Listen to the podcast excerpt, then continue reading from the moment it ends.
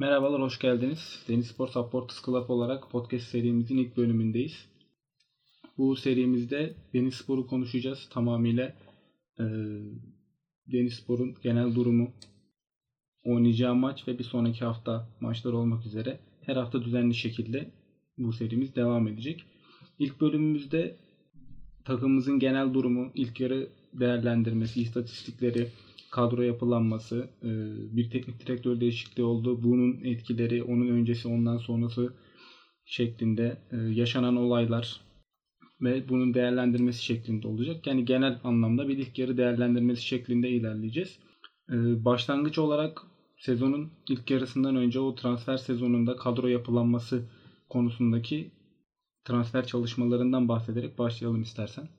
Tabii başlayalım ama öncesinde şöyle bir şey söyleyebiliriz. Yani bu podcast serimiz aslında bir ihtiyaçtan doğan bir şey. İşte, tabii sen de çok iyi biliyorsun. Yani medyanın 3 İstanbul takımına yoğun bir şekilde alakasından dolayı biz ve bizim gibi yani diğer Anadolu kulüplerini de bu işin içerisine katabiliriz. Ee, hep kapı dışarıya edildiği bir durumdayız. Böyle bir medya. Tabii alternatif medya gelişti. Ama alternatif medyada bir şekilde o hala 3 İstanbul takımının yani, etkileri var. Yani tabii ki şöyle 3 İstanbul takımının maçı olduğu zaman gündeme gelen bir Anadolu takımları yapısı var. Yani onlarla maç yapacağın zaman bir hafta boyunca konuşuluyorsun. Maçtan sonra maç değerlendirmesini dahi yensen bile gene onların neden kötü oynadığı konuşuluyor. Yani senin iyi oynamışsın, kötü oynamışsın, kazanmışsın herhangi bir durumun yani yok. Yani en fazla şunu diyorlar. Önce kazanandan başlayalım, kazananı tebrik edelim deyip diğer tarafa geçiyorlar. Hani ya bu çok açık. Yani Sivas Spor şu an lider. Yani Sivas Spor bile yani bizden bir farkı yok medya gözünde neredeyse. Çok, çok küçük bir fark var. Dolayısıyla yani biz hani bir e, kendi ihtiyacımızdan doğan şey aslında kendimizin yapma amacıyla bu işi başlattık. Tabii kadroyla başlayabiliriz. Yani şu aşamada aslında kadro konuşmak ne kadar gereksiz diye düşünen olabilir belki ama e, oyunu değerlendirirken, oyunu değerlendirmeye başladığımızda aslında bu kadro yapısının çok büyük etkilerini olduğunu düşündüğümüz için aslında buraya bir şey yaptık. Hı hı. Ya şimdi şampiyon kadrodan sözleşmelere devam eden zaten çok az sayıda oyuncu vardı. Onlar korundu. Onlar dışında da Keremcan tutuldu kadroda. Yani yeni sözleşme bağlamında Keremcan. Adam Stakovyak alındı ve Ayisati sözleşme sözleşme yenilendi. Yenilendi orada. Aslında yani ilk yıl çıkan bir takıma göre alınan oyuncuların genel kalitesinde kötü bir şey değildi. Yani kötü bir sezon geçirmedik genel manada o ilk transferlerinde. Yani Hugo'yu aldık, en başlarda aldık. Tabii ilk transferlerden biridir o. Ve Rodega geldiğinde beni çok heyecanlandırmıştı. Çünkü yıllardır adam akıllı bir santraforumuz yok bizim. Yani Mehmet Akgüz'ümüz vardı. Çok gol attı ama Mehmet Akgüz de klasik kapançık santraforuydu. Bize çok büyük katkıları var. Belki kendisi Denizlispor efsanesi oldu bu süreçte ama yani o santraforluk meziyetleri bakımından ya tabii ki Santrafor'dan bahsettiğimiz net şekilde koyduğumuz mesela bir Vedat Buriç performansı. Rize'nin ligin ikinci yarısındaki ve Fener'in bu sezon ilk yarıdaki net bir Santrafor performansı hiçbir zaman bizde olmadı. Çünkü bizim oyun sistemimiz böyle bir santrafora evrilmemişti hiçbir zaman. Evet. Yani işte Rodego o manada yani kalitesinden ziyade o vaat ettiği potansiyel, potansiyel bir bitiricilik performansıyla. Bunu heyecanlandırmıştı. Genelde şeydi biraz da aldığımız oyuncuların yani bir kısmı kapalı kutuydu. Mesela Barrow çok iyiydi ama aldığımızda Baro bilmiyorduk yani doğru düzgün şampiyonşipu izlemediğimiz için. Tabi tabi yani bizim için sadece internette yazdığı kadarıyla ya da o YouTube'daki skills videolarıyla. yani Golen skills yazıp izlersen bir şeyler fark ediyor. İşte Muravski mesela zaten ilk yarının kare asına girebilecek bir oyuncu. Bu da bizim için kapalı kutuydu. Tabii ki. Zakaria fena değil ama kapalı kutuydu. Yani Portekiz'i çok bilmediğimiz için. Yani dolayısıyla ama aldıklarımız vardı işte Yumlu mesela. Yumlu, Zeki Yavru. Bu ikisi yani Trabzonspor görmüş, o camia yaşamış isimlerdi ama baktığımız zaman da düşüşte olan bir yani Süper Lig performansı var belli çapta ve tecrübesi de var bu ligde ama baktığın zaman performansları aşağı doğru evrilmiş isimlerdi. Yani. Özellikle Yumlu da çok uzun bir sakatlık dönemi geçirmişti vesaire. İşte Lopez bence kötü bir bek yani bilmiyorum. Ama sonuçta bir Süper Lig tecrübesi olan bir bekti. Başka da işte Nargileci Olcay var. Onu aldık. Ya Olcay kapalı kutudan da şey değil aslında. Yani Olcay Trabzon'a gittiğinde zaten düşüşte olan bir performans içerisindeydi. Trabzonspor'dan o gidiş aşaması, boşta kalış aşaması, bütün transfer sezonunu boşta geçirip böyle son anda bir bize gelme durumu. Kimse alamayınca bize geldi abi yani bunun başka da kimse almayınca yani çok açık bu. Yani, Ya Hadisako var. İşte o da geçen yıl Ankara gücünden tanıyoruz biraz. İşte o da klasik bir Anadolu takımlarının kapançık oyuncusu falan. Ee, Yani kadroya şöyle baktığımızda fena değil. Yani ilk yıl yıllar sonra geldik buraya. Ama şu ilk bakınca yani şöyle toplu kadroya baktığım zaman şunu görüyorum abi. Yetenek fakiri. ya bu- Yani bu, bu kadro yetenek fakiri kardeşim. Belli seviyeleri var. Her birinin kendi, kendi kariyerlerinde belli bir şeyleri var ama bu oyuncular yetenek fakir oyuncular. Burada şöyle bir şey atıf yapacağım. İlk başta giriş yapmadan önce de söylemiştim. Bir teknik direktör değişikliği yaşandı. Burada ilk dönemki yani Yücel İlgez'in oyun sistemi, oynatmak istediği, kafasında kurduğu oyun tamamen bunun üzerine aslında. Yani kanatlarda hızlı adamlarımız olsun, ileride bir net bir bitiricimiz olsun. Onun dışındaki geridekilerin yeteneğine pek ihtiyacımız yok. Savaşçı ruhları, saldırgan ruhları, oyun içindeki mücadeleci ruhları olduğu zaman bizim için yeterli şeklinde görüşün bir transfer yapısı mıdır ya da kadro yapısı mıdır bu? Ya Yücel Hoca ayrıldıktan sonra bir televizyon programında söylemişti. Hani ben liste verdim.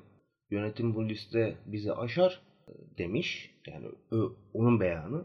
Dolayısıyla hani transferleri yönetim yaptı diyor. Ama tabii şu var illaki bir görüş alışveriş olmuş olması lazım. Yani oyuncuların belki isim noktasında her birine mutabık değillerdi ama oyuncuların tarzları noktasında mutabık olduklarını düşünüyorum.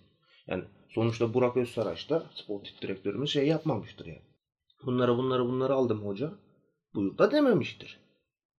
Yani o seviyede bir futbol kültürüne sahip değiliz zaten. Yani bir Monchi Sevilla durumumuz yok sonuç olarak. Monchi aldı geldi hadi oynatın. Bizde öyle bir durum söz konusu Tabii, tabii. değil. Ama yani şu noktada e, oynatılan oyunun bu futbolcuların kadro yani kadroyu oluştururken oyun, oyuncuların varlığının sebebi değil midir bu? Tabii tabii yani yani transferi Yücel Hoca da yapmış olsa, transferi Burak Özsaraç da yapmış olsa. işte yani kim yaptıysa squad tamamını squad ekibimizde yapmış olsa mesele şu kapan çık abi. Bizim başka bir şeyimiz yok. Zaten Yücel Hoca döneminde de bunu gördük yani. Yani tabii şöyle Yücel Hoca dönemindeki ilk güzel giriş o galibiyetler hepsinde de aynı sistem oldu. Yani ilk 3 maçı değerlendiriyorum mesela milli takım arasına gelene kadar. O süreçte ilk Galatasaray'ı yendik burada. Kadro yapısı bizden çok çok yukarıda. Maliyet olarak, kalite olarak çok çok yukarıdalar. Ee, onların oynayacağı oyun hücum futbolu. Onu oynamaya geldiler buraya. Biz de kapanmaya çıktık zaten. Ve bunu çıkarken de çift ön libero mantığı sürekli devam etti. Abi zaten çift ön libero'yu gördükçe benim tüylerim diken diken oluyor. Yani Yani dediğim gibi geride tamamen mücadeleci böyle 8 oyuncunun kaleciyi çıkarıyorum 7 oyuncunun tamamen mücadeleci bir ruhla sahada olması onun dışındaki ilerideki 3 oyuncunun tamamen bitirme üzerine. Yani burada aslında Recep'i birazcık daha işin içine koyabilirim. Ee, Recep ilk maçta birazcık daha mücadelecilikten çok birazcık daha ileriye yönelik yani forvet arka 4-3-3'ten ziyade 4-2-3-1 çıkılma gibi bir oyun vardı orada. Ama daha sonraki mesela Antalya maçı, daha sonraki Göztepe maçı ama Göztepe'yi birazcık daha tutabilirim. 10 kişi kalındı orada birazcık daha farklı bir şeyler gelişti. Oyunun akışında daha farklı şeyler gelişti. Ama Yücel Hoca gidene kadar sürekli bir geride daha mücadeleci bir yapı, ileride de hızlı isimler. tabii. Bu sezon başındaki kadro kurulumuyla alakalı olduğuna inanıyorum ama bir sonraki bağlantıyı atarsam mesela Mehmet Hoca geldikten sonra yani Şifo geldikten sonra bu oyunun sistemi değişti mi? Yani kapanalım, çıkalım mantığı değişti mi yani senin gözünde? Değişti diyemem ama bazı küçük dokunuşlar da yaptı. Ama as- asli mantık hiç değişmedi abi. Yani zaten çift önlü Verazon onda hiç vazgeçmiyor. Ancak zorunlu kaldığı maçlarda merkezi Ayısati ile kuruyor ve o da zorunlu kaldığı maçlarda dolayısıyla şey yok yani bir asli mantık değişikliği yok. Elbette şey var. Biraz daha sete oturan bir futbolumuz var zaman zaman bazı periyotlarda ama şey değil. Şöyle yapalım istersen. Yani bu kadronun bize sunduğu e, istatistiklere bir bakalım istersen. Yani Evet tabii 17 maçlık bir veri var sonuçta elimizde. 17 maç oynanmış yani biz de, yani şunu diyoruz aslında. Evet böyle bir oyun var. Biz bunu oynuyoruz. Böyle böyle bir kadro yapısı var ama bunun bize çıktıları ne ona Evet. bakmamız lazım, lazım aslında. Şimdi bir kere ligin en az topa sahip olan takımıyız. Yani %45.2 ile. Bu ilk başta dediğim şeyle alakalı aslında. Hani kadroyu ne dedim? Yetenek fakiri. Yani bu takım topa Sahip olabilecek bir topla pek işi yok yani bu. aynen öyle. Aslında bunu sürekli söylüyorum. Bir mücadeleci yapı. Evet evet evet. Yani kazanalım ve o topu atalım ileriye. Kanattaki hızlı isimlerimizle İşte Barov hadi bir bir şeyler yapın gibi. Ha, bu da şey değil yani topa sahip olmak zorunda değiliz ama bunun da farklı sistematiği var. Yani mesela Sivas'ta çok topa sahip değil ama Sivas'la bizim oynadığımız futbol aynı futbol değil. Zaten onu bakınca gö- görülüyor yani. kesinlikle İşte başarılı pas oranı düşük. En düşük dördüncü takımız. Yani bu başarılı pas deyince aklımıza hemen şey gelmesin. İşte kısa pas o işte Guardiola ile özdeşen tiki taka. O değil sadece. Yani attığımız uzun topların da başarıya ulaşıp ulaşamaması. Yani dolayısıyla burada da bir Yani aslında Kötü oyun durumdayız. sisteminde bu oranın çok yüksek olması gerekiyor. Bu sıralamada çok yukarıda olmamız gerekiyor. Çünkü bizim oyun yani sürekli söylüyoruz oyun sistemimizde kapanalım, kazanalım ve uzun oynayalım.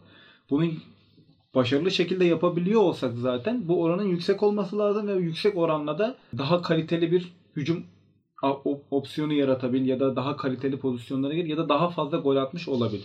Yani bu oranın yüksek olması demek aslında bizim oyun sistemimizin işliyor olabileceğini gösteriyordu ama bu oranın düşük olması bizim bu sistemde bir başarısız olduğumuzun göstergesi. Kesinlikle. Zaten şöyle bir istatistik var. Bu biraz önce konuştuğumuz kapanalım çıkalım mevzusunun en net örneği yani bu. Oyunu rakip sahaya yıkan 17. takımız.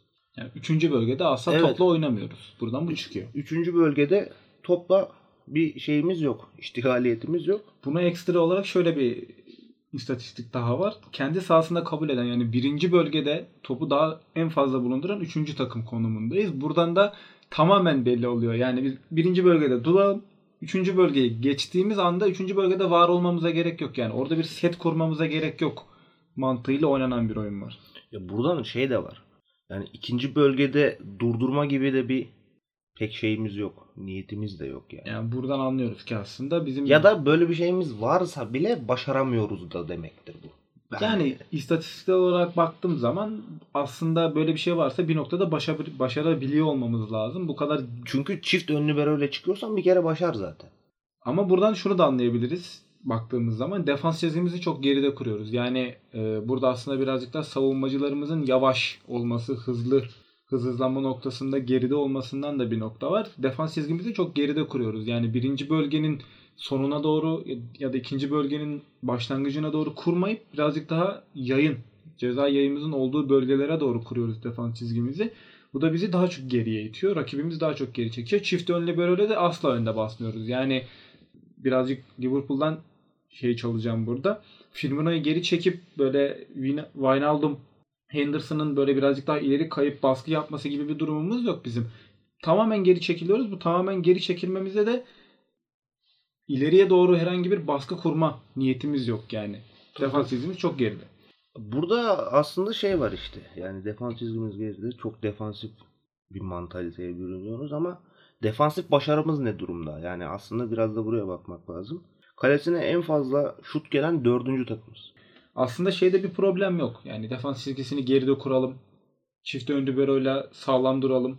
Bunu parselleme yaptığımızda yani sahayı böldüğümüzde e, o 16. alanda sağlam şekilde durabiliyorsan yani o yayın orta saha yayının kendi bölgesine olan bölgede sağlam şekilde durabiliyorsan gelen rakibi durdurmada çok başarılı olabilirsin ama biz bunu da yapamıyoruz. Yani bir şey planlıyoruz. Planladığımıza göre sahaya oyuncu sürüyoruz. Sürdüğümüz takım e, olumlu yapması gereken işleri yapmıyor. Pas ulaştırma anlamında, karşılama anlamında yapmıyor ve şut çektirme ve anlamında da yapmıyor. Yani e, bu oyuncular kendi başlarına dizilseler de aslında bu sayılara ulaşır. Belki daha iyisine de ulaşabilir. Ama bundan daha kötüsüne ulaşamaz gibi bir algı oluşuyor. Baktığımız zaman sayılara. Abi zaten nasıl yapacaksın yani?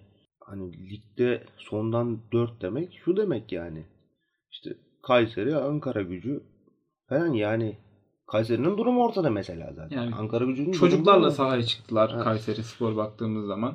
Kasımpaşa'nın böyle periyot olarak çok kötüye düştüğü durumlar oldu. Konya Spor çok istikrarsız bir performans sergiliyor. Onlar aşağılarda kalıyor. Yani bizim bu bu kadar aslında vasatın altında performans çıkaran takımlar varken istatistiksel anlamda bu kadar gerilerde olmamızın çok bir manası yok. Yani e, sıralama olarak evet e, çok kötü bir konumda sayılmayacak bir konumdayız baktığımız tabii. zaman. Ama istatistiksel olarak bu kadar vasatın altında takım varken bu kadar da istatistik anlamında geride olmamamız gerekiyor. Ya zaten şu ana kadar konuştuğumuz bu defansif metriklerin bu kadar düşük olması ve bizim bu kadar çok puan kazanıyor olmamızın tek bir açıklaması var. Adam Stakovyak yanıyor.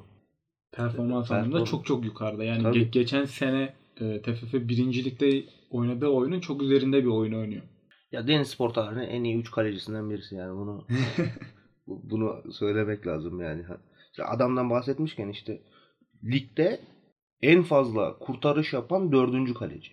Sayı anlamında. Hı hı. Kurtarış oranı bakımından da beşinci. Yani bu adam kalesine gelen şutlarda tutma oranında çok yukarıda. Adam stok olarak da geleni tutma konusunda çok başarılı. Yani onun göstermeyeceği bir yani kötü bir performans göstermiş olsa şu anki olduğumuz konudan çok çok daha aşağıda oluruz. Yani Galatasaray maçı mesela ilk hafta maçı penaltıyı yemiş olsa o anki durumumuz çok vahim yani. Çünkü biz de oyun olarak çok bir şey vaat etmiyorduk orada. Ya da Antalya deplasmanı ikinci hafta. Yine penaltı çıkardı ki mesela Antalya maçının öyle bir ikinci yarısı vardı ki işte aşağı yukarı biz golü bulana kadar diyebilirim yani. Barov'un attığı gole kadar. Tabii Atıf oyuna girdi ikinci yarının başında. Allah'tan şey vardı yani. Antalya Spor'un doğru düzgün bir hücum planı yoktu. Aldığı topu Atıf'a ulaştırmaya çalışıyorlardı falan.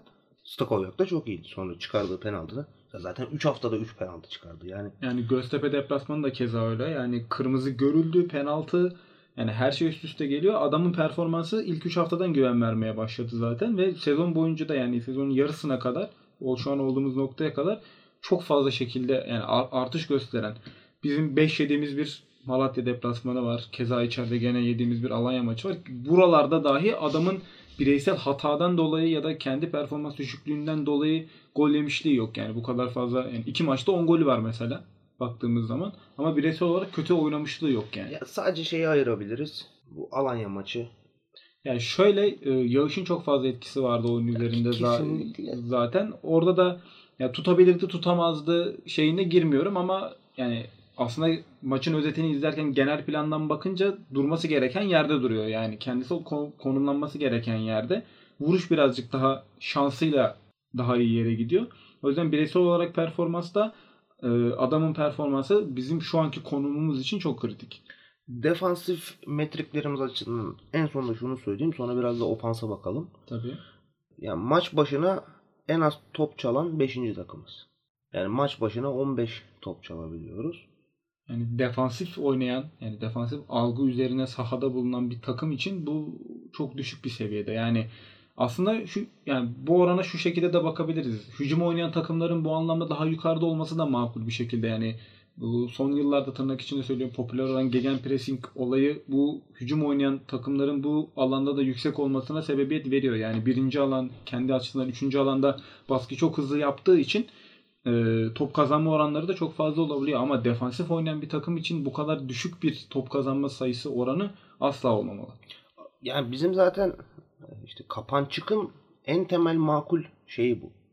Bir risk alıyorsun sonuçta. Topu karşıya bırakıyorsun. Sen oyna diyorsun. Buradan şeyi alman lazım. Yani senin o kontra hata başlatabilmek için o topu alman lazım. Ve yani bu açıdan da pek başarılı değiliz ve çift ön libero çıktığımız halde böyle oluyor oluşunu da e, bir kez daha şey yapmak lazım. Vurgulamak lazım burada. Peki o, ofansta ne durumdayız? Yani ofansif metriklerde. Bir kere maç başına attığımız şut yani golü atabilmemiz için tabii en temel olarak şut atmamız lazım. Yani maç başına baktığımız zaman en düşük iki takımdan biriyiz. Bir Kayseri ile aynı. Maç başına 9.8 abi.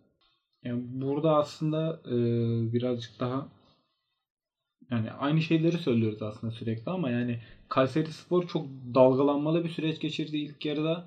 Ofansif anlamda hiçbir şekilde e, aslında istatistiklere dahil olmaması gerekecek bir konuma kadar geldi. Yani e, 17-18 yaşında gençlerle oynadı.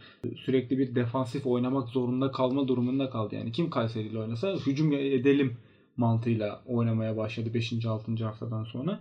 Yani Kayseri ile aynı değerlerde olmamız, onunla beraber bir kıyasa girebilecek konumda olmamız aslında bizim ofansif anlamda sahada hiçbir şekilde var olmadığımızın bir göstergesi. Yani bu şeye yıkamayız. Yani sezon başında kadro kuruldu. Yüce böyle oynatıyordu şeklinde kuramayız. Bu istatistiği arttırabilirdik Mehmet Özdilek sürecinde ama gene aynı seviyelerde kaldığını görüyoruz yani.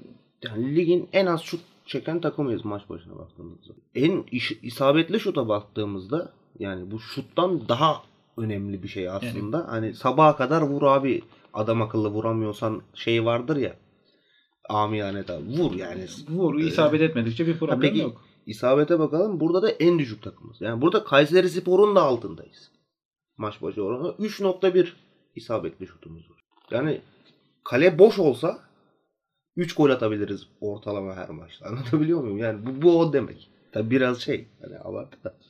Yani ama en düşükte olmamız da bizim için birazcık daha üzücü. Yani ligin 11. sırasında olan bir takımdan bahsediyoruz. 19 tane gol atmış 17 maçta.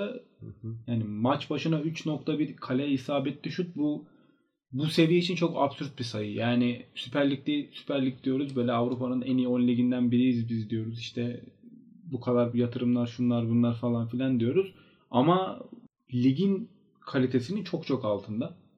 Yani Süper Lig'e yeni çıktık şu bu bunların hepsi birazcık şey çok iyimser bakmak yani çok optimistik yaklaşmak olur meselelere.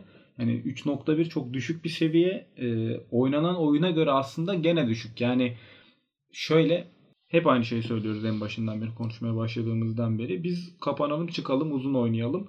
Bu demektir ki kaleciyle karşı karşı karşıya kalma oranı yani kaleye top isabet ettirme oranı çok yüksek olması gerekiyor ve bunun sayı olarak da çok yüksek olması gerekiyor. Asla bu şekilde olmuyor, olmamış yani en düşük veriyi bizim sahip olmamız bu hücum yani defansif anlamda bir şey yapmak istiyoruz başaramıyoruz. Ofansif anlamda hiçbir şey yani yapmak istemiyoruz gibi bir şey çıkıyor ortaya. Burada dripling'de şey var. Bir durum var. Maç başına başarılı dripling'de sondan ikinciyiz. Maç başına 7.5. Evet. Başarılı dripling. Yani aslında bu şuna... Sondan ikinciyiz yani. Yani şöyle bir ekstrası da var bunun. Diniplik denemesinde de sonuncuyuz. Yani başarılı diniplikte 7.5 ile 7.5'da ikinci konumdayız. Denemede de sonuncuyuz. Yani tüm verileri birleştirince şöyle bir şey çıkıyor aslında. Abi biz top oynamak için sahaya çıkmıyoruz. Yani maç mı var abi bugün? Esame listesi alın. Buyurun. Bu esame listemiz bizim. 21 kişiyiz biz. 11 kişi az sahaya çıkıyoruz. Çıktık mı abi? Tamam. Oynuyoruz abi. Siz oynayın. Biz bir şey bazen oynarız, bazen oynamayız. İşte yayın geliri varsa alalım. Yani yenersek arasında para verirsiniz falan. Yani bu kadar absürt bir e, ve dalgalanmalı bir veri çıktısı olamaz. Yani asla ve asla oyun oynamak için sahaya çıkmıyor bu takım. Abi bozmak için sahadayız zaten biz. Yani başta dediğim gibi bizde yetenek yok. Yani bir tane adamımız var. Yetenekli. Aysati o da. Yani topu tutabilen, oynayabilen. Onu bazen şey yapıyoruz, kulübe atıyoruz. Sen şey yetenek ortalamasını yükseltiyorsun kusura bakma.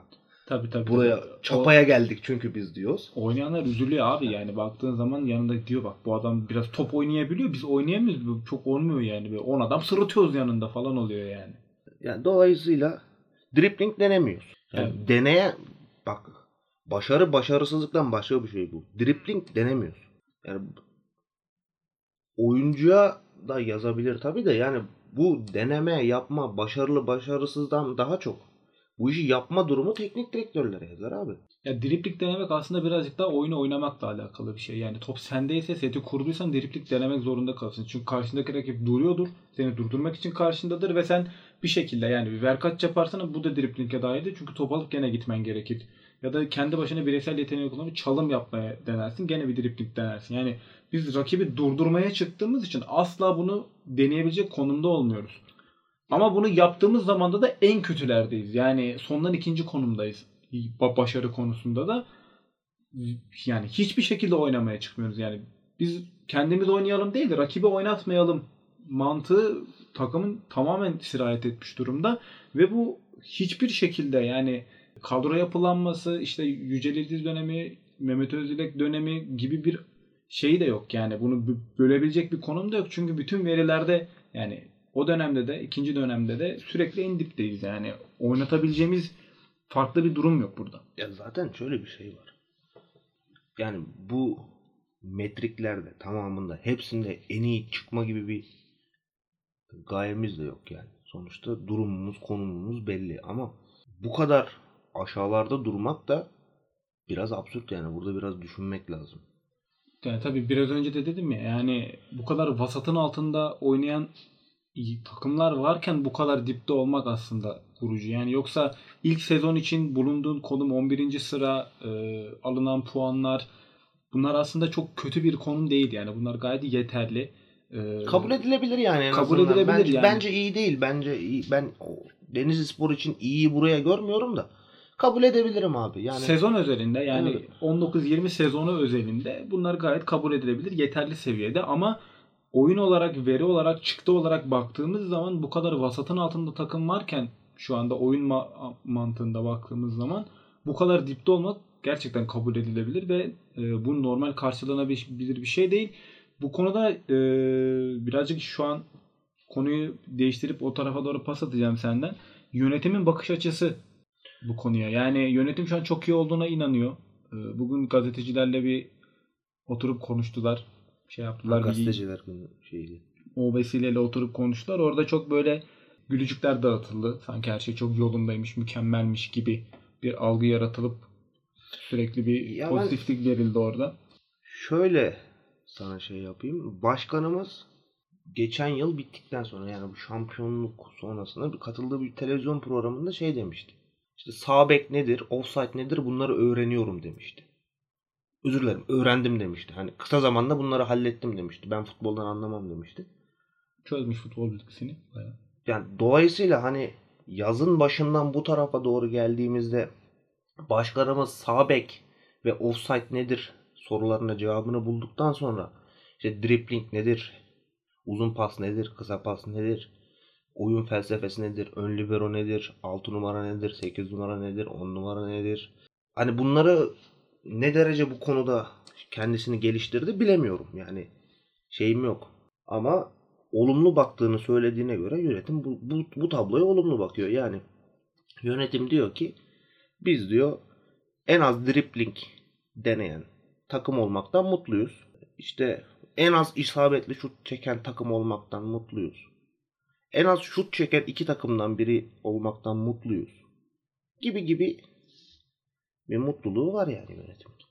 Ee, burada birkaç tane böyle olumlu istatistikler de var. Onları da verelim. Ondan sonra yönetim konusuna tekrardan dönüp farklı bir konuda da birleştireceğim orayı. Hı hı. Ee, bizim için sezon boyunca sürekli böyle bizim için veri, oyun anlamında ve veri anlamında mutlu eden iki tane isim var sahada.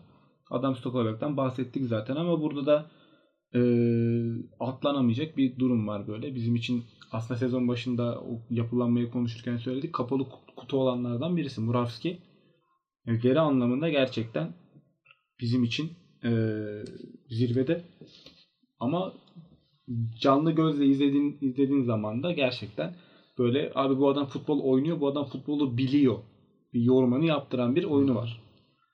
Muravski şöyle herhalde sezon başından yani o 17 haftalık periyotta en temiz istikrarı sağlayan oyuncu gibi. Yani verebileceğini biliyorsun. Buradan aşağı düşmüyor. Aşırı uçmuyor, kaçmıyor. Ki zaten oynadığı mevki itibariyle de yani çok mümkün değil. Biz adam 6 numara. 6 numaradan 8 numara yaratmayı bek bekliyoruz maalesef. Dolayısıyla ben şunu çok hissediyorum. Yani çıplak gözle izlerken zaten bu çok net belli oluyor. Futbol biliyor. Oyun görüşü çok iyi. Rakibi bir hamle yapmadan önce o hamlesini çözüp ona önlem üretebilecek e, bütün önlemleri alıyor kendi içerisinde. Yani dolayısıyla zaten bu şu şeyden de çıkıyor. Yani bu adam bize en çok faul kazandıran oyuncu. Bu bir 8 numara özelliğidir işin aslı. Yani Türkiye'de. Yani oyun kurucu özelliğidir aslında. Evet. Oyunu kuran adama her zaman daha fazla baskı yapılır. En çok faali o Ve alır. dolayısıyla en çok faali alanlardan biridir. Belki bazen hani santrforunu alır. Belki 10 numaranı alır ama hani bu mantaliteyle alan oyuncudur. Dolayısıyla şey ilginç yanı kendi asli özellikleri olan 6 numara özelliklerini de çok iyi gerçekleştiriyor. Hem en çok sahipsiz top kazanan oyuncumuz hem de şey top çalan oyuncumuz. Rakibin ayağından topu çalan oyuncumuz. Yani dolayısıyla keşke bir hocamız yani bir hocamız diyorum işte Yücel Hoca da bunu denemedi doğru düzgün.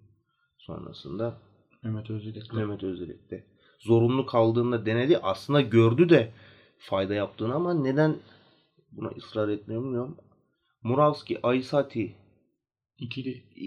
o orta saha ikilisini onunla kurmaya cesaret edebilse diyorum. Çünkü bir Oyun, oyun görüşü olan, oyunu bilen, oyunu okuyan, birazcık top yeteneği olan isimler. yani 6 ve 8 numara olarak bunları konumlandırdığımızda gerçekten bir şeyler vaat eder bu orta saha merkezi. Çünkü aslında futbolu değerlendirirken şöyle diyorlar genelde. Atanın ve tutanın.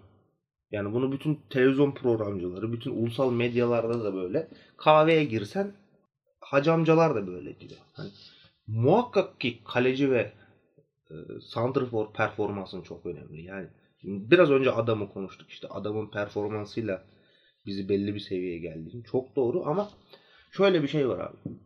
Türkiye'de e, topun oyunda kalma süresi aşağı yukarı bu yıl için 53 kusurmuş. Geçenlerde bir televizyon programında söylediler. 53 dakika boyunca oynanıyor yani bu. Ve bu 53'ün en az 35-40 dakikası bu orta sahada geçiyordur. E tabii ki ikili mücadele, oyun kurma, sete geçtiğin zaman oradaki isimlerin birbiriyle alveri yani orta saha performansı bu konuda çok kritik. Yani top rakipteyken karşılayacağın ilk nokta forvet daha hızlı geçilip orta sahalar birbiriyle çarpışıyor. Oyun kurarken orta sahadaki beyinden bir oyun kurmasını bekliyorsun. O yüzden orta sahadaki o isimlerin yani 2 olur 3 olur oyun sistemine göre çok kaliteli ayakların olması demek senin oyun sistemini kurabileceğin anlamına geliyor yani. Kendin isteyeceğin oyunu oynayabileceğin anlamına geliyor. Yani dolayısıyla böyle bir şey var. Bir de bu orta sahalarla alakalı şunu söylemek lazım. Yani fark ediyorsan artık dünyada bu aslında 6-8 falan kalmadı biraz. 6-8 hatta bazıları 10 numarayı orta sahada görür 6-8-10. Şimdi mesela sana şöyle desem. Kante. Kante'yi tanımlarken ne dersin bana? Yani herhalde dünyanın en iyi kesicisi dersin değil mi? Yani rakibe en iyi karşılayan isimlerden birisi. Yani dünyanın en iyi 6 numarası bu adam. Faal. Evet. Dikkat et mesela Kante her pozisyonda Chelsea atak yaparken geçen yıl Sarri de böyleydi. Bu yıl Lampard'da da böyle. Adam ceza sayı, sahası yayının oralarda. Ve çoğu zaman da içinde yani. Bu adam buraya koşu atıyor. Aşırı bir gol mü atıyor? Hayır ama oralarda. Yani bir 6 numaradan artık onlar bekleniyor. O koşuları yapmaları bekleniyor. Ama işte ha şöyle diyebilir. Abi burası Denizli Spor. Sen Chelsea ile bizi kıyaslıyorsun. Kante ile kıyaslıyorsun. Dünyanın en iyi oyuncusu. Yani ben elbette şeyi beklemiyorum. Yani Isaac Saki 6 numara bir Kante kalitesinde olacak diye beklemiyorum ama kalite başka. Yani oyuncunun kalitesi, oyuncunun seviyesi başka bir şey. Oyun sistemi Oyun sistemi, oyun görüşü, oyun mantığı başka bir şey. Yani bunu şuradan örnek verelim. Hani belki biraz daha berraklaşır kafalar. Şimdi Sergio Ramos. Yakın tarihten bir örnek vereyim ki. Çok önemli dünya çapında bir stoper. Ramos nasıl bir stoper? Savunmacılık meziyetleri zaten çok iyi. Bunun yanında topu alır. Bir kere topu orta sahaya falan taşır. Zaman zaman maçın içerisinde. Bir adam eksiltir. Hücuma bir fazla katkıyla gider. Bazen uzun dikine pas atar. ileriye. Bazen diagonal e, pas atar. Oyunu yönünü değiştirir bir yandan stoper durumunda. Şimdi bu dursun Abdülkerim Bardakçı. geçen sezon. Geçen sezon oynayan futbolcumuz. Nasıl bir futbolcuydu Abdülkerim? Nasıl bir stoperdi? Topu alırdı. Birkaç çalım yapar. Topu oyuna sokardı. Ne yapardı? Uzun paslar atardı. Yani hatta bir gol aklıma geliyor hemen geçen yıl. İşte İstanbul Spor maçı uzun attı Ziya'ya. Ziya çevirdi Recep gol. 3 pasta tık tık gol. Yani bu adam yani Ramos'la Abdülkerim aynı tip. Aynı tip stoper. Şimdi aynı seviye dersin adamı ağzıyla bile gülmezler. Başka organlarıyla. Hani bunu ayırmak lazım. O yüzden bu orta sahaya yetenekli oyuncu durumu çok önemli. Yani burada topu oynayacak oyuncu. Ya da şöyle düşünelim. Farklı bir yerden bakalım. Mesela Trabzonspor şu an herkese çok sempatik geliyor değil mi? Yani algı olarak böyle baktığımız zaman Geçen yılın ortalarından beri Trabzonspor'a ya televizyon yorumları da böyle. Genel böyle sosyal medyayı inceledi- incelediğinde de bir oynadığı futbol noktasında herkes için bir sempatik takım. Abi geçen yılın ortalarında ne oldu? Ön liberoları sakatlandı. Kalan durumda nasıl oynadılar? 3 tane 10 numara karakterli oyuncuyla. Sosa'yla, Abdülkadir Parmak'la, Yusuf Yazıcı'yla. Bu yılda aşırı farklı değil oynadıkları. Bu işte yani futbolu oynamaya çıkan yetenekli topçular. Ha tabii şey de demiyorum. Yani 3 tane 10 numaraya koy oraya. Yani bu oyunun defansif zafiyetleri de var. Trabzon bunu yaşadı. Ama işte yani koyduğun 6 numaradan hücum performansı da istemelisin. Yani kesinlikle o koyduğun Koydu. altın numaranın sadece gelen oyunu durdursun. Yani oyunda tek bir görev için sahada bulunmak demek senin oyunun bir noktasını tamamen bir kişi eksik oynamayı kabul ediyor olman demek. Bu da senin hücum performansını ya da hücumcu anlamda birini oynatıyorsan savunma performansını negatif anlamda etkileyecek bir durum. Kesinlikle yani yani bunu göz önünde bulundurmamız lazım. İşte Muravski adam asli 6 8'e koyuyorsun. Adam 6'yı çok iyi yapıyor da 8 meziyetleri kısıtlı yani Muravski'nin. Yani belli bir seviyeye kadar yapmaya çalışıyor. Çünkü oyun bilgisi, oyun yeteneği çok üst seviyede durumda ama e, 6 meziyeti 8 meziyetinden daha yukarıda. 8 oynarken 6'yı yapmaya çalışıyor. Orada birazcık daha Saki'nin aslında yapamadığı işleri de yapmaya çalışıyor baktığımız zaman. Sa- Saki zaten futbolda nasıl para kazanıyor onu bil, bil- onu bilmiyorum zaten de. Neyse onu geçelim. Yani bu orta saha özelinde bunu söyleme ihtiyacı hissettim yani. Buradan da e, biraz önce dediğim gibi bu yönetim tarafına doğru geçiş yapacağım. Böyle Hı hı. kadro dışı kalmalar oldu. E, sezon içinde böyle taraftarla yönetim arasında çok büyük bir gerginlik, bir tartışma, e, taraftarı yıldırma üzerine bir nasıl diyeyim siyaset izlendi. O şekilde bir politika yürütüldü. E, bunların toplu bir şekilde böyle yani ilk kadro dışılar yani kadronun muhabbeti üzerinden devam edip yani bu kadro dışı kalmalar onların yerini doldurulması ve yönetimin taraftarla olan gene problemleri. Ya kadro dışının ilk sezon içerisinde şey oldu. Kerem Can Akgüz'ün kadro dışı bırakılması oldu. Kulüpten yapılan resmi açıklama teknik direktör raporu doğrultusunda olduydu bu. Ya bu ne demek? Kerem Can Akgüz e, Süper Lig seviyesinde futbolcu değil demek. Yetersiz görüldü. Bu adamı görmek istemiyorum demek. Şimdi bu gerçekten böyle midir bilmiyorum. Yani bu iş sadece teknik direktörle sınırlı bir olay mıdır bunu bilmiyorum. Çünkü şöyle evet Keremcan Akgüz müthiş bir sol bek diyemezsin Süper Lig kalitesi için ama Keremcan Akgüz belli oranda sana bir şeyleri vaat eder. Ya bence Süper Lig için yedekte değerlendirilebilir. Ha, hoca için değerlendirilmeyebilir, görmek istemeyebilir ama bunu sezonun ortasında yapmak bazı şeylere pahalıya patladı. Yani tabii ki Ya. kupa maçlarında baktığımız zaman ya da e, Berdiş cezalı duruma düştüğünde ya da sakatlık geçirdiğinde gördük ki Lopez'i kaydırdık. Bir ters ayakla yani sağ ayakla sol bekte oynama durumuna kadar gitti. Bu birazcık Son da hafta Olcay Şahan oynadı sol bekte. evet aynen. Yani Olcay'a sezonun genelinde çok büyük kızgınlığım var. Kızgınlığımız var tribünler olarak. Hem futbolu hem futbol dışı yaptığı saçma sapan Bir sosyal medyada çıkan görüntü. Ondan önceki şey Beşiktaş deplasmanında yaptığı o şeyler falan. Ama yani Olcay Şahan'a hangi maç kızamadın dersem Ankara gücü maçında kızamadım abi. Yani adam belki hayatında ilk defa sol bek oynadı. Ya tabii ki.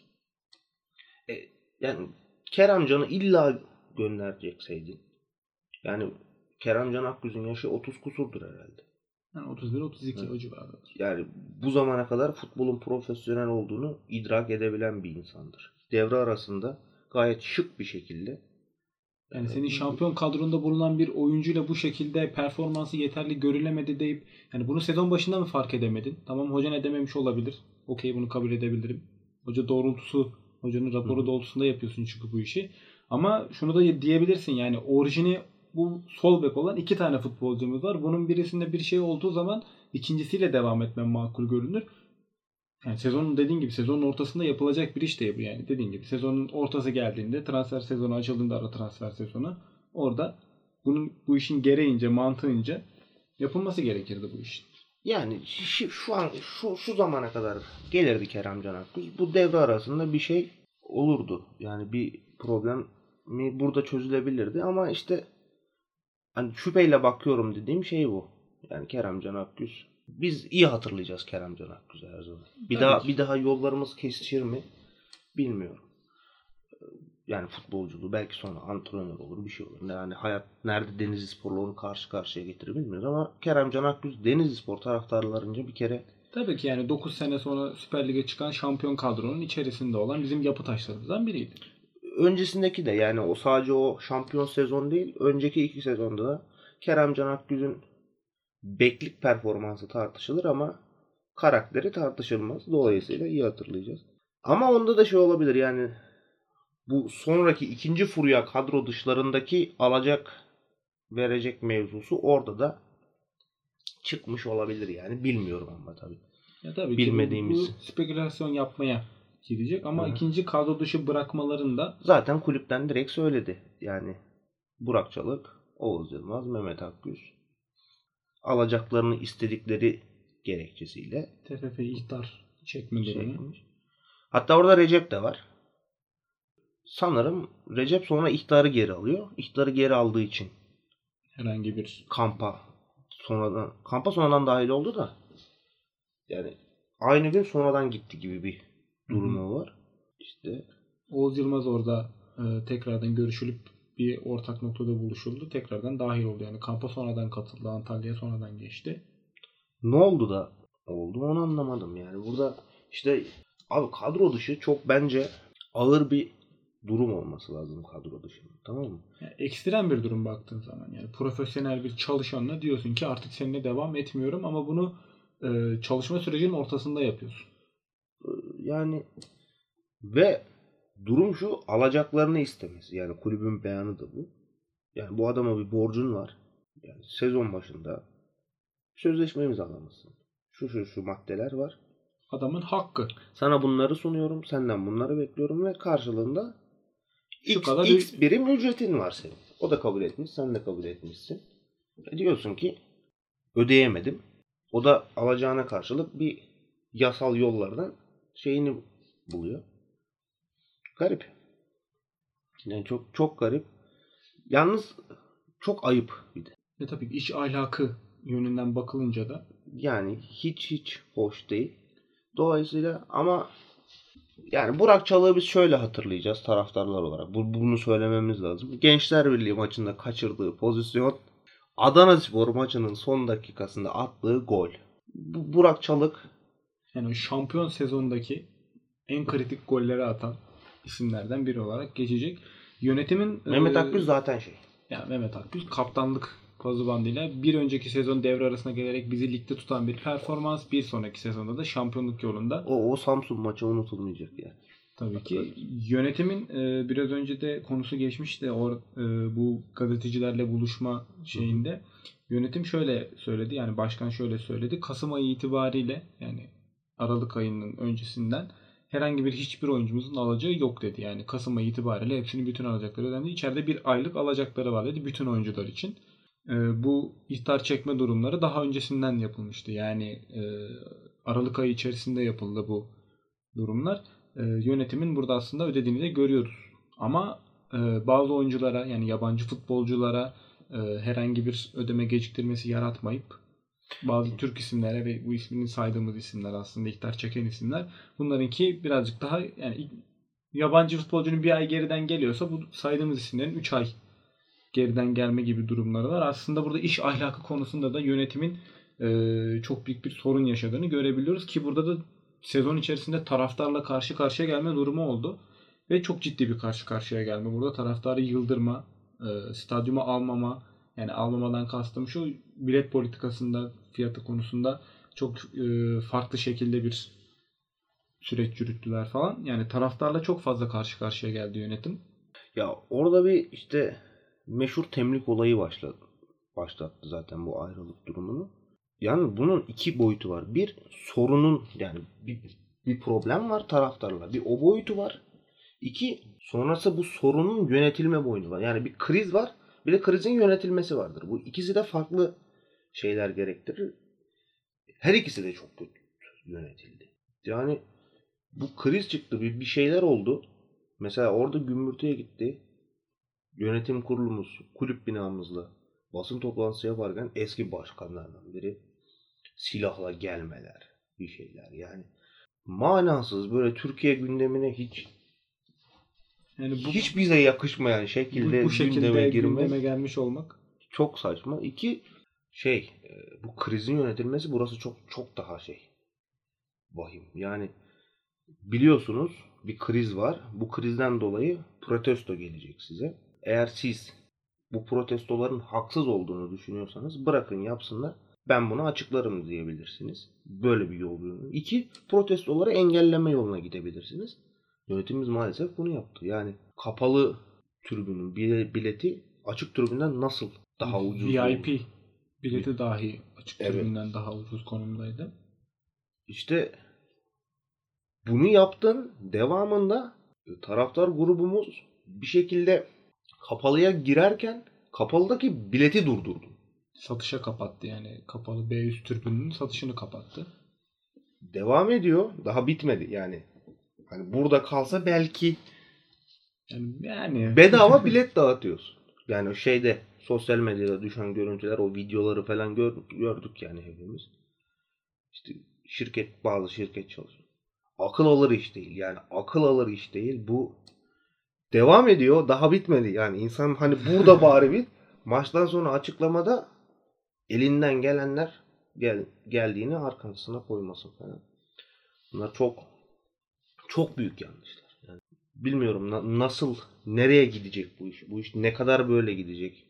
Nasıl gidecek hiçbir fikrim yok ama bunlar akıl alır işler değil yani. Yani çok kötü bir e, süreç yönetimi var burada. Yani kriz yönetimini çok kötü şekilde yapılıyor ve bir taraftarı karşına karşısına alma durumu var. E, yani bu işi bir taraftar grubuyla özdeşleştirmeye çalışıyor yönetim ama öyle bir şey de yok. Yani e, maç sırasında bir yönetim Tabii, tabii. istifa sesi çıktığı zaman bütün stat olarak bu ses çıkıyor. Ya şöyle zaten şu an Yeşil Cephe ile e, normal işte vatandaş diyelim tribüne gelen kendisini farklı görmüyor. Evet belki o yaşlı amcalarımız çok böyle tribüncülük adına bir şeyle buluşmuyor. Yani kalkıp deli gibi tezahürat etmiyor. Ara ara tezahüratlara işte yeşil siyahlara, horoz gol gollere katılıp oturuyor. Asli odağı maç izlemek. Tabii ki bu manada bir tribüncü değil o kişiler ama kendisini de Yeşil Cephe'den farklı görmüyor. Yani onlara şöyle diyor. Benim genç versiyonum. Gençken biz de böyleydik falan bir bakış açıları var yani onların. Yani bü- bütün bir stat olarak yani orada genci de yaşlısı da e, oraya sadece maç izleme odaklı geleni de kulübü birazcık tanıyanı da tamamen bu işin için olanı da aynı bir yargıda buluşuyor ama yönetim bunu tek bir odağa çekip o şekilde yani krizi o şekilde yönetmeye Hatta çalışıyor bugün bir toplantıda da öyle demiş. Malum grup falan demiş. Ya bi- bilmiyorum. Ya ama bu zaten şeydir. E, Bu düşman yaratma kültü Türkiye'deki yönetim yani sadece şey değil. Futbol kulübü yönetmekten bahsetmiyorum. genel, Genel bir yönetim mantalitesinde bir tane düşman yaratırsın.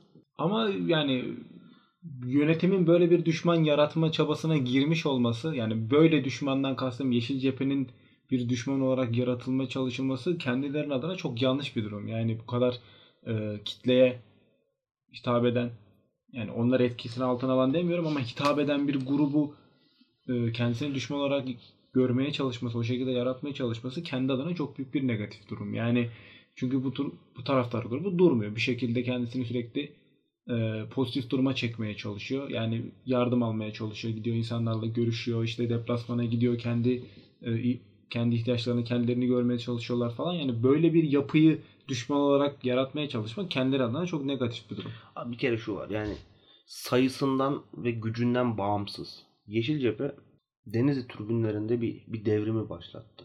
Ee, yani temiz türbün diyebiliriz buna. Yani son zamanlarda hep vardır ya futbol, temiz futbol çocuklar. Yani bu bakımdan baktığında Yeşil Cephe'de de bir temiz türbün durumunu başlattı. Belli bir seviyede yükseldiler, büyüdüler. Hiç azımsanmayacak bir kitlesi kitleye ulaşıldı kesinlikle. Ama bunlardan bağımsız yani bu insanlar doğru bir şeyler yapmaya çalışıyorlar. Yani bu insanlarla ortak hareket edebilirsin. Yani ne talebi var? Ne oluyor? Yani Denizli Spor için orada herkes. Dolayısıyla hani bir kriz çıktı. Krizin çıkması yapılan yanlışlardan ötürü ve yönetimi de tamamen yanlış. Krizin yönetimi de çok evet, yanlış. Krizi de çok yanlış yönetildi. O işte o yanlış yönetildikçe yeni yanlışlar ekleniyor üzerine. yanlışlar ekleniyor. Yani nasıl çözülür bilmiyorum. Ama ilk 6 aylık periyota baktığımız zaman yani sezonun yani e, toparlayacak olursak artık süreyi de çok fazla uzattık aslında baktığımız zaman genel bir toparlayacak olursak e, oyunun genelinde sezon başında kadro yapılanmasında oyunun genelinde yönetimsel açıdan e, sürekli bir kriz odağı var. Sürekli bir problem odağı var. Ve sürekli de bu problemi birazcık daha kötüye götürecek problemlerin artması yani. Bir ana madde var. Altındaki öncüller sürekli artmaya devam ediyor ana maddenin altında. Sürekli artmaya devam ediyor. Bu hem oyun anlamında hem yönetimsel davranışlar e, yapılan işler anlamında.